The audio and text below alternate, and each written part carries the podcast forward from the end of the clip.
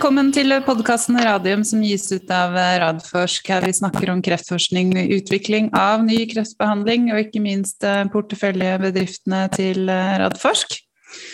Eh, her diskuterer vi nyheter og gjennombrudd fra inn- og utland og våre selskaper og andre selskaper. I dag er episode 205 som heter Lytix Biofarma. Det har rukket å bli 8. desember, klokken er eh, halv tolv. Eh, vi er nok en gang i en sånn, om ikke lockdown, så i hvert fall eh, begrenset hva vi skal gjøre og hvem vi skal møte og sånt nå. Jeg skulle gjerne sagt velkommen til Jonas Einarsson, men han er ikke tilgjengelig i dag. Men det er veldig hyggelig å ha med gjester. Velkommen Øystein Rekdal, CEO i Lytix Biofarma, og Ole Peter Nordby, som er ganske nylig tiltrådt eh, IR- og kommunikasjonsdirektør i Lytix. Takk, takk. Velkommen. Veldig hyggelig at vi ble invitert. Ja. Tusen takk. Ja, men Så bra. Det har jo kommet eh, en nyhet fra dere i dag, og det har skjedd mye siden dere var med meg sist i 28. januar. Jeg skal bare ta en par kjappe nyhetsoppdateringer før vi kommer tilbake til dere. Eh, for det første så kom PCI Biotech med en melding i går eh, om at de har da hatt en dialog gående hele høsten med amerikanske og europeiske myndigheter om å bruke en eh, virtuell kontrollarm i release-studien. Eh, det har de da ikke fått med seg eh, myndighetene på. Eh, mye sikkert pga. at dette her er en pivotal studie som kan føre til registrering. Så er det vel det såpass nytt innenfor legemiddelutvikling at myndighetene helst ikke så det, selv om de forsto de utfordringene som PCI har i forhold til release-studien. Ja. Og så i tillegg, så siden sist, som dere kanskje har merka, så har vi lagt ut en podkast, en samsending med DNB-podkasten Utbytte. Der har vi hatt med oss Leif Askvik som gjest, i tillegg til Marius Brunhaugen fra DNB. Eh, og vi snakker da en del om altså, den kommende helsekonferansen til DNB 16.12., som jeg er nå sikker, ganske sikker på er, blir 100% virtuell. Så der gikk den nettverkingen for min del. Um, men eh, det var veldig hyggelig å ha med Leif. Han representerer jo Sunt AS, som har investert i en rekke av eh, Radforsk sine porteføljeselskaper, i tillegg til en del andre. Veldig morsomt å høre han eh, fortelle om det. Jeg tror vi både var enige om, både han og jeg, om at Seluna immunotherapy, det er noe vi virkelig ser fram til å, å høre fra på nettopp DNB sin helsekonferanse 16.12. Ja, da er det dere gutter. Det er hyggelig å ha dere med igjen. I hvert fall Øystein var med sist. Ole Petter, du er sånn førstereise i podkasten, og da har vi en tradisjon om at vi gjerne vil at uh, du skal introdusere deg selv. Ja, det skal jeg gjøre ganske kort, da. Uh, fordi det er jo Lytix og teknologien der som er viktig. Men jeg har altså vært med i finansmarkedet siden uh, olympiaden på Lillehammer i 1993. Da begynte jeg å jobbe med, med renter og rentepapirer. Men uh, i hovedsak så er, jo, så er, det jo, aksjer. Jeg har jobbet med aksjeselskap, børsnoterte virksomheter i Norden innenfor helsesektoren da, uh, mm. i, i, mange år og i forskjellige settinger.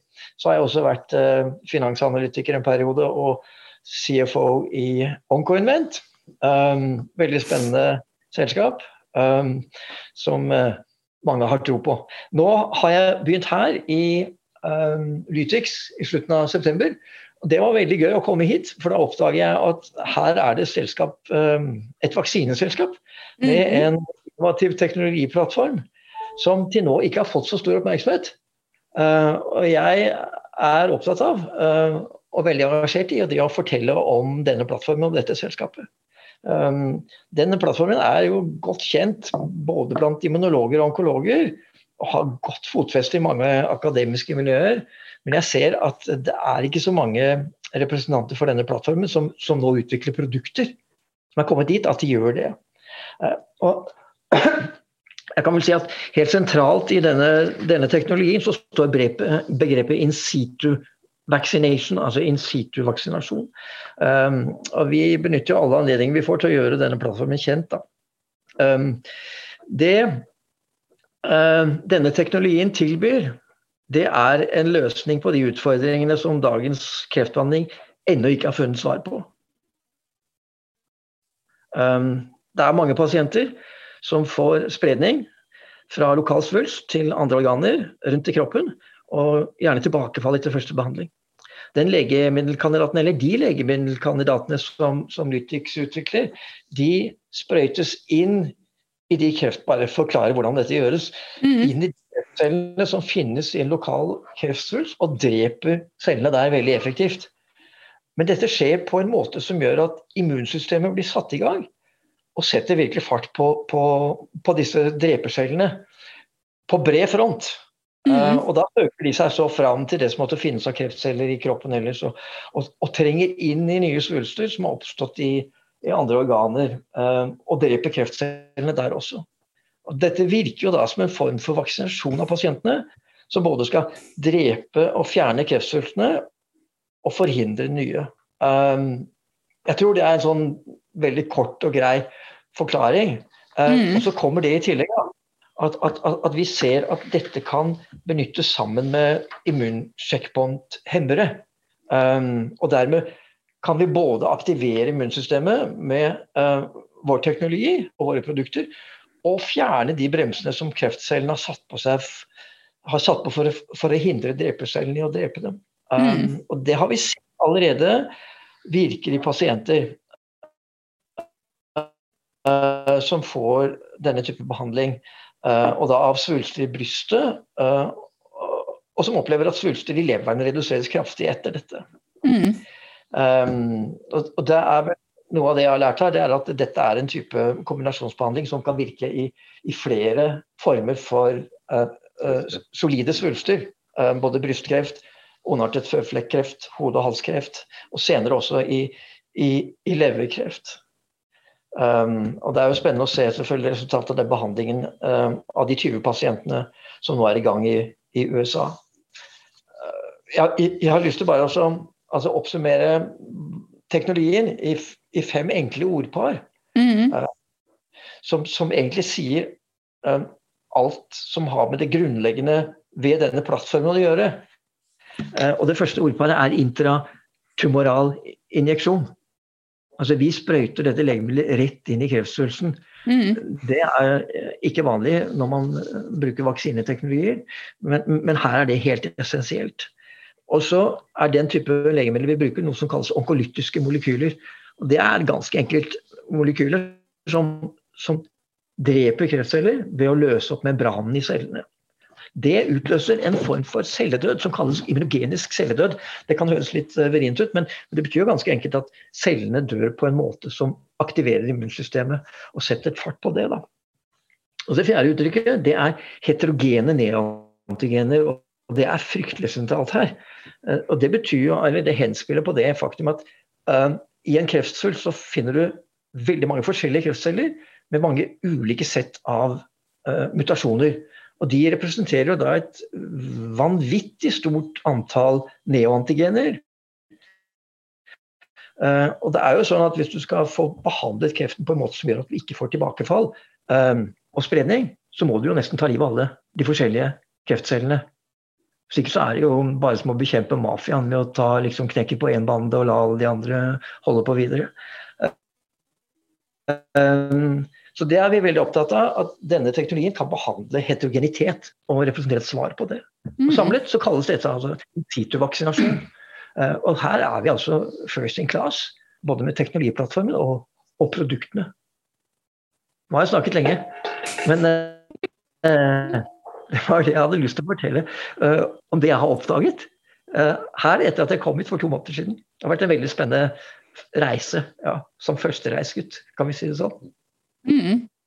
Så bra, bra, Ole Petter. Altså det, når du jobber med kommunikasjon og IR, så må du jo selge inn på den måten som det du gjorde nå. Jeg syns det var godt jobba. Ja. Jeg, må, jeg må bare fortelle én ting, da, Ole Petter. fordi vi, vi, to går jo way back. Jeg husker at du når jeg jobba med kommunikasjon i, i FUGE-programmet i Forskningsrådet, og vi tildelte jo en del midler til eh, biotekselskaper der. Da var det én person jeg alltid hadde på, på, telefonen dagen etter styremøtet når vi hadde bevilget penger, og det var deg. og det syns jeg var så herlig, for det var den eneste analytikeren som gadd å ringe for å sjekke hvilke selskaper som eh, hadde blitt tildelt penger. Så det var veldig gøy. Ja. Uh, ja.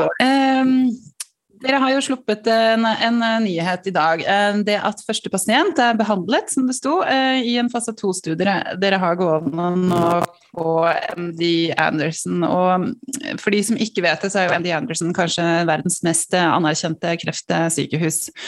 Eh, og her blir jo da deres kandidat LTX315 i kombinasjon med pembrolizumab gitt til pasienter med solide svulster. Kan ikke du fortelle litt mer, Øystein, om, om, eh, om denne studien? Og, og uh, jeg holdt på å si, Dette må jo være en stor milepæl eh, for dere. I hvert fall sånn som jeg ser det utafor, så er det jo Det her er jo stort når man er i gang med fase to. Ja, nei, absolutt, Elisabeth. Dette er selvfølgelig en stor milepæl for oss at nå er vi i gang med et veldig viktig studie for Lytix. Dette er et proof of concept-studie og som er et veldig viktig studie for å dokumentere at vår legemiddelkandidat øker antall pasienter som responderer på immunterapi. Og vi er selvfølgelig veldig glad for at vi gjør dette sammen med Enersen, som du sier er verdens ledende kreftsykehus, og, og, skal lede dette studiet sammen med andre sentre, selvfølgelig. Så vi har jo vist at vår legemiddelkandidat ved lokal behandling, som Ole Peter sier, kan fører til at andre svulster andre steder i kroppen går tilbake eh, kraftig. Og, og, Det er ikke pga. at molekyler vandrer rundt i kroppen og angriper de andre svulstene, men er, vi har dokumentert at det er faktisk immunsystemet som aktiveres av vår legemiddelkandidat og er i stand til å angripe svulster dyptsittende og langt borte fra den svulsten vi behandler. Og Det har vi vist i en tredjedel av pasientene vi har testet så langt. Og så har vi også i vårt eh, forrige fase 1 Eh, slash 2-studie. Da hadde vi to armer med 315, altså vår legemiddelkandidat, og to immuncheckpoint-hemmere. Antizetla4 og anti-PD1, pembrolizumab og ipilimumab. Og Der viste vi at eh, kombinasjonen førte til effekter som det var tidligere vist at uh, immuncheckpoint-hemmeren alene ikke uh, gjorde. Så, så en, vi har sett tydelige tegn på at kombinasjonen kan eh, fungere bedre enn immuncheckpoint-inhibitoren alene. Og Nå har vi designet studiet slik at vi skal teste vår legemiddelkandidat i kombinasjon med pembrolizumab, det er altså en anti-PD1-hemmer, i pasienter som har feilet på anti-PD1 eller PDL1. Da. Og da vil all effekt kunne tilskrives vår legemiddelkandidat, og dermed være et veldig avgjørende proof of concept på at vårt molekyl funker, og kan være med på å gi effekter med immuncheckpoint-inhibere i pasienter som ikke har respondert på immuncheckpoint-inhibere. Det, det, er veldig spennende. Er det sånn at dere ser for dere at uh, dette her da kan være en, en pivotalstudie, altså en studie som da fører til registrering, eller Nei, det er, det er et fase to-studie. Hva tenker dere rundt det? Ja, nei, det er, det er, nok Det er ikke et, et, et, et, studie som kan føre til uh, noe godkjenning. Det er et fase to-studie, så det er på en måte et veldig avgjørende studie nå for å vise at, altså dokumentere at, at vi har klinisk respons. Og, og, det vil danne grunnlag for da å sikte inn på eh, eh, pasientgrupper hvor vi kan da øke antall og, og ta dette videre mot, mot markedet. Mm. Og så eh, så jeg da leste gjennom pressemeldingen, og dere gode pasienter med, med, solide svulster. Vil det da si um, solide svulster Det kan være uh, uavhengig av altså, Man har jo den der gamle inndelingen i forhold til organer. Det, man er jo litt uh, bort derfra. Men uh, kunne du si litt om pasientgruppen? Ja, altså Studiet er designet slik at vi ser på nå pasienter som har feilet på pembrolizumab. og Det da, kan være da ulike indikasjoner hvor, eh, med pasienter som har da solide svulster som er tilgjengelig for lokal injeksjon. Mm. Og Da er det i stor grad eh, okay. der man kan stikke en hold gjennom huden, inn i muskel etc. Mm. Det er flere indikasjoner. Så, så, Derfor er det selvfølgelig også naturlig at man etter å ha dokumentert konseptet, proof of concept, for vårt molekyl, at man da sikter inn på enkelte krefttyper da, hvor man ser en, en mulighet fram til uh, markedsgodkjenning. Mm. Dette, for dette er jo et first in class, det er ikke en ny vaksine. Ja. Ja, men det, det er fint. Um, det, jeg, jeg, sa jo at det, du, Øystein, og, og Siv Fos, dere gjest, var hos oss 28.1 i år. Det har jo skjedd utrolig mye siden den gang. Um, og dere har jo også nylig lans, lansert eller presentert Q3-rapporten. Jeg vet ikke, hvis du skal um, hvis vi går også litt sånn beyond Q3, hva, hva har vært eh, høydepunktene i år eh, så langt, eh, Øystein? Vi er jo ikke helt ferdig med året ennå. Nei, det er sant. Det var jo noen store høydepunkt for oss selvfølgelig i forkant av, av, Q3. Det var jo at vi listet selskapet på Euronex Growth og hentet inn kapital til å nå kunne kjøre de studiene vi har planlagt. I løpet av høsten så har vi jo fått startet at vi har startet studiet eh, i USA. Dette proof of concept som jeg har beskrevet. og det på MD Andersen, og nå har vi, da, vi har skrevet og nå funnet pasienter som passer for dette studiet og kan starte å få behandling. Eh, I tillegg så har vi jo et hatt pågående et fase to-studie i Danmark. Et, et, litt mindre studie hvor vi har testet uh, effekten av LTX 315 i kombinasjon med celleterapi. Uh, og Der har vi nå involvert alle pasientene. og, og så det har, vært, det har vært bra å gjøre det ferdig. Og så har vi også nå og godt i gang med å ferdigstille den prekliniske dokumentasjonspakken for vår neste generasjons molekyl, LTX 401. LTX 401 har vist veldig lovende effekter mot leverkreft i eksperimentelle modeller. Og vi vil gjøre ferdigstille nå 401 for å starte, kunne starte kliniske studier. Og denne ferdigstillingen vil skje da i løpet av neste år. Og så har vi også fått flere kombinasjonspatenter med LTX315 i kombinasjon med kjemoterapi og immunterapi. Og det er veldig viktig for oss å fortsette å bygge patentporteføljen vår og sikre, sikre patentene rundt vår teknologiplattform. Og sist, men ikke minst, så er det jo selvfølgelig også veldig gledelig for oss nå at Verica, eh, vår eh, samarbeidspartner som har lisensiert LTX315 for utprøving av L-TXT15 på enkelte typer hudkreft.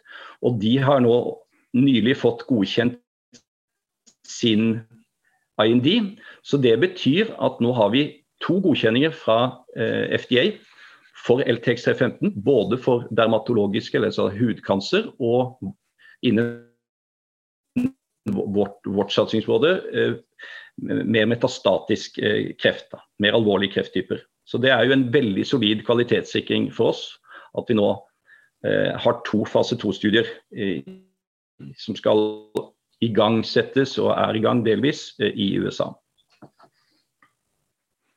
Ja, Det er eh, kjempegøy. Eh, du nevnte jo at dere ble, ble lista i, i våres. Hvordan er det å være med Altså, dette er jo eh, på mange måter eh, ditt selskap, Øystein. Det er jo din, eh, din, forskning som ligger til grunn her. Og dere har jo holdt på en stund. Hvordan var det å komme, komme på børs? Jo, det, det, er jo selvfølgelig en, en, ny verden for oss. Det er jo mer krevende for et selskap å være på børs. Eh, man skal levere eh, kvartalsrapporteringer, det krever en del arbeid. Man skal også sørge for at man opererer korrekt på, på børsen med insiderinformasjon etc. Så det, det, er klart det krever mer. Men, men, når det er sagt, så ser vi også at nå får vi en helt annen mulighet til å nå ut til en mye større investorbane, som er veldig positivt for oss. Og så må vi også si at uh, vår erfaring så langt med denne Euronex Growth-plattformen har vært veldig positiv. Vi syns den fungerer veldig godt. Så vi er egentlig ganske fornøyd med å være på Euronex Growth totalt sett. Mm. Så bra.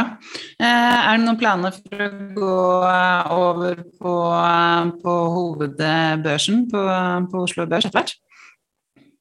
Det får vi se. Nå er vi veldig fokusert på å levere det vi har lovet. Altså kjøre disse studiene og, og, og ta selskapet til et helt annet value inflection-punkt. Men eh, så får vi se underveis om vi begynner å planlegge for neste steg, også sånn finansielt og selskapsmessig. Mm, så bra. Um, vi som jobber innenfor biotek, vi vet jo at eh, det er data som er, eh, som er gule. Det er det vi ser etter hele veien. Og da har man jo et klinisk eh, program for å få fram de, få fram de dataene. Kan ikke du gi en kort oversikt over, over det kliniske programmet dere har nå? For det virker jo å være ganske omfattende, bare så vi ser hele bildet og, og hvilke milepæler vi når. Og som sagt, da, vi har pågående fase to, eller er i gang med, med, med vårt studie. Så nå skal det da skje to fase to-studier i løpet av 2022. Og vi har som mål å rekruttere alle pasientene til vårt studie i, i løpet av neste år. Uh, som blir en veldig viktig milepæl for oss. Det å få rekruttert pasienter og, og, og ja, kunne se på en, en, en, bestemt uh, pasientgruppe på, på, på, på klinisk respons. Uh, det er, der er da pasientene behandlet uh, ferdig, og vi, nå, nå, samler vi oss og, og, konkluderer på resultatene, og de vil foreligge på slutten av, av neste halvår. Og så er det også vårt neste generasjonsmolekyl som skal gjøres helt klart for klinisk eh, igangsettelse klinisk pasient i løpet av neste år. Så bra. Eh, da må vi høre litt om, om finansiell situasjon også. Hvordan står det til med finansene, og hvor lenge har dere midler? Og er det eventuelt noen planer om noen emisjoner eh, som dere har guida på? Så Per i dag så, så har vi nå eh, kapital til å ferdigstille dette proof of concept-studiet i USA. Så, så, vi har ikke noen nærme, nære planer om å hente mer kapital.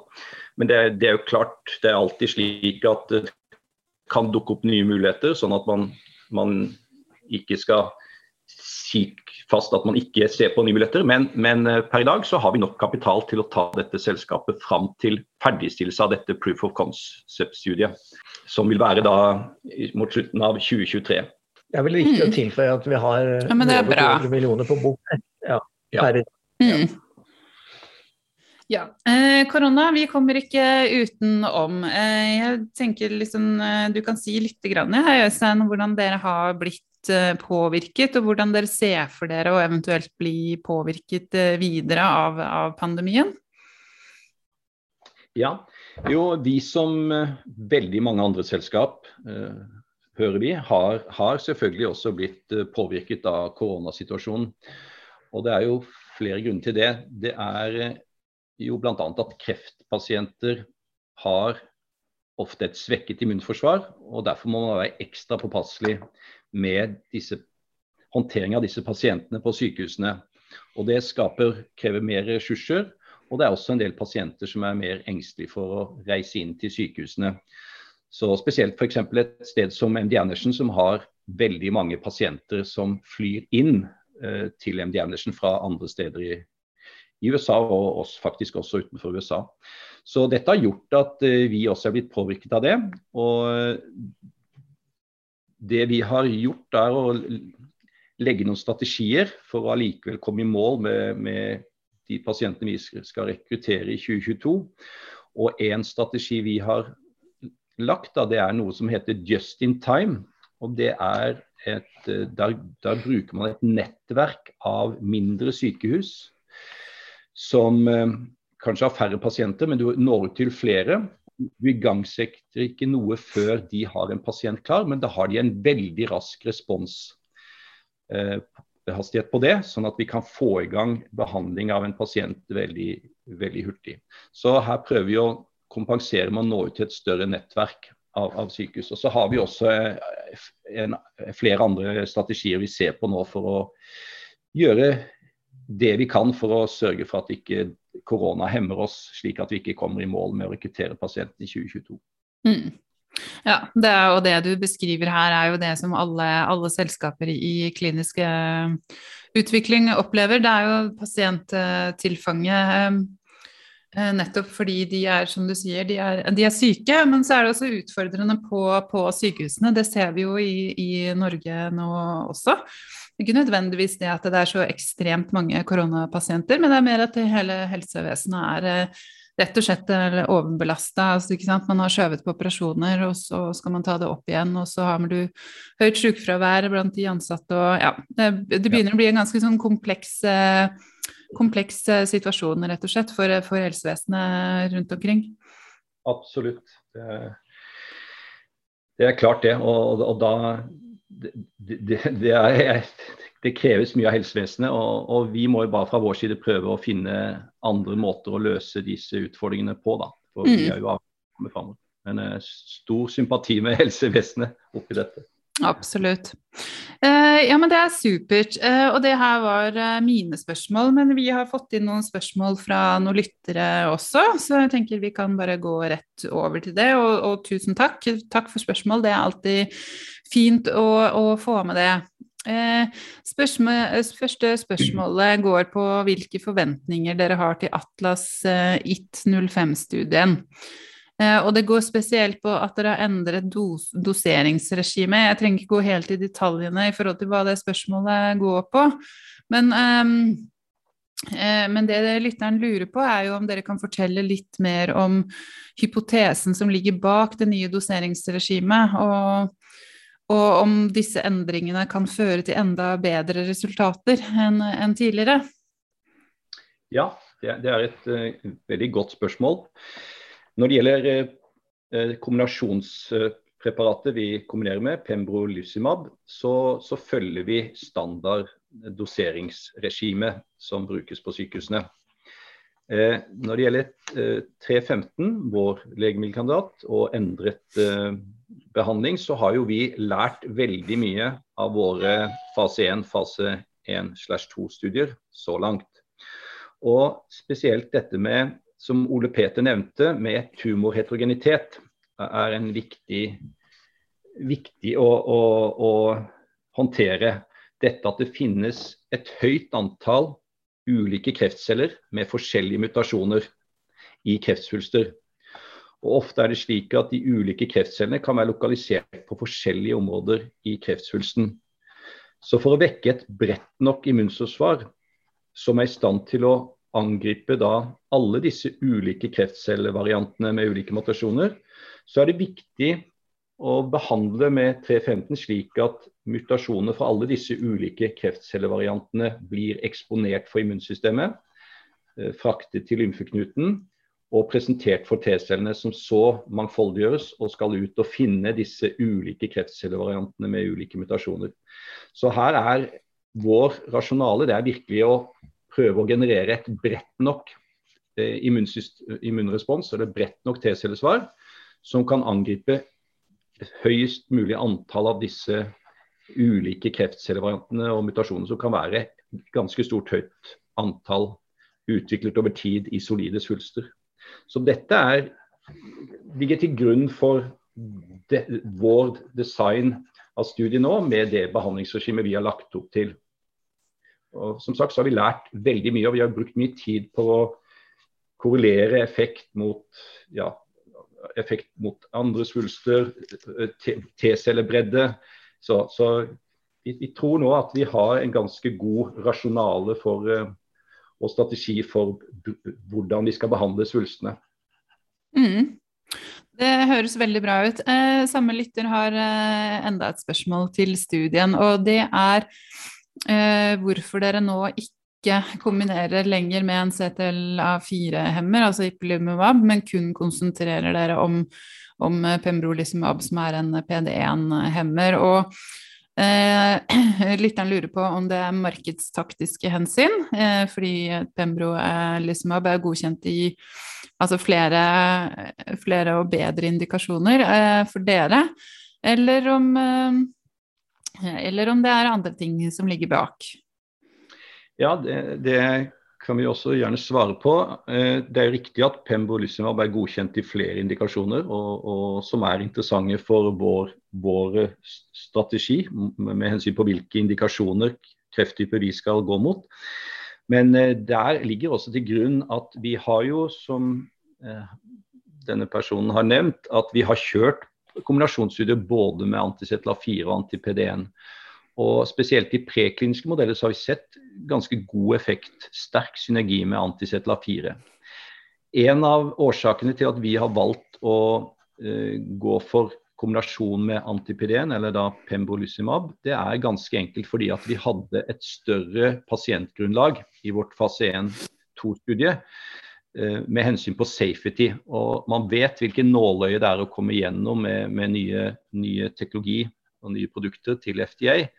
Og da var det veldig naturlig for oss å, å starte med en kombinasjon der vi hadde et mest, best mulig datagrunnlag med hensyn på safety. Og vi har jo, selv om vi både med, med antisetla 4 og antipeden i pasienter, så har vi, har vi demonstrert at det er ikke noe ekstra toksisitet eller bivirkninger med kombinasjonen. Og det vet man jo ofte skjer når man kombinerer to medikamenter, spesielt når begge gis systemisk. Her gir vi da 315 lokalt i kombinasjon med pembrolizumab, som da gis systemisk. og Det kan være en veldig god strategi, ikke bare for å oppnå effekter, men også med hensyn på å minske risikoen for synergi når det gjelder bivirkningsprofiler, som man ser bl.a. med kombinasjon med ipilimumab og pembrolizumab. Bra, takk, eh, takk for det. Eh, enda et spørsmål. Det går jo da på eh, Verikas eh, IND, at den studien da starter opp nå i Q, Q1 2022. Eh, og lytteren lurer da på om dere kan si noe om hvilke milestone-utbetalinger som dette utløser. Og om det er sånn at avtalen med Verka gjør at dere nå får utbetalt både for godkjent IND og når første pasient er rekruttert. Uh, ja, så sånn overordna, hvilken betydning får dette finansielt for dere videre, og er dere nå fullfinansiert inne i 2024? Ja, så denne avtalen med Verica er jo en klassisk lisensieringsavtale når det gjelder biotek. Den er jo ofte, ofte baktung, og det er jo fordi at uh, den som lisensierer teknologien vil jo få bekreftet at dette virker før man begynner å betale ut for, for store utbetalinger. Og vi fikk en eh, utbetaling når vi signerte kontrakten, og så har vi en eh, utbetaling nå når de starter behandling av første pasient.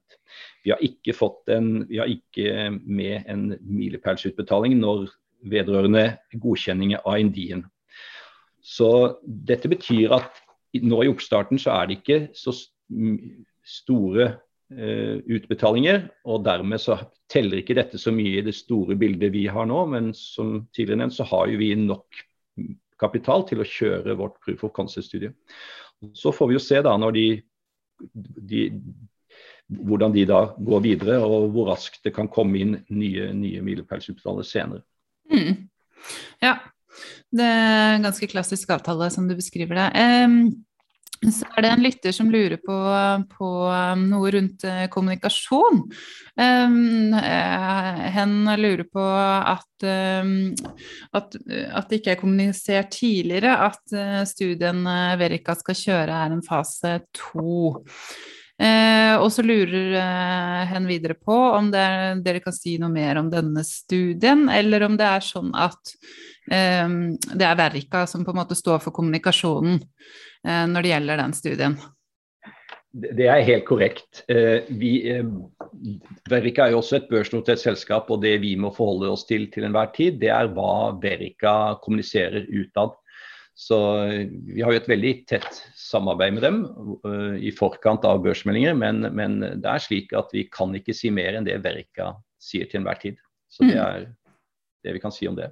Ja, og det også er jo eh, veldig, veldig klassisk, og sånn, eh, sånn, er det bare. Det må man bare forholde seg, forholde seg til. Um, ja, det var veldig hyggelig å ha dere med og få en uh, oppdatering. Uh, er det noe vi ikke har vært uh, innom, som det, det vil si sånn på tampen? Jeg syns det har vært gode spørsmål og en fin samtale. Veldig hyggelig å få komme tilbake, Elisabeth. Så Iallfall fra min side ok, men ja. vet ikke hva du sier, Ole Petter? Nei, vi skal ikke tilføye noe mer nå. Vi håper å kunne Nå er det nok, si! Ja. Nei, det er klart det er mye mer å fortelle om, men vi skal ikke bruke tiden på det akkurat nå. Nei. Eh, apropos DNB sin helsekonferanse 16.12, skal dere presentere der? Blir det en ledig slott, så kommer vi. Men ja. du finner oss ikke på programmet så langt. Nei, den er god. det, var, eh, det var greit, eh, greit, sagt.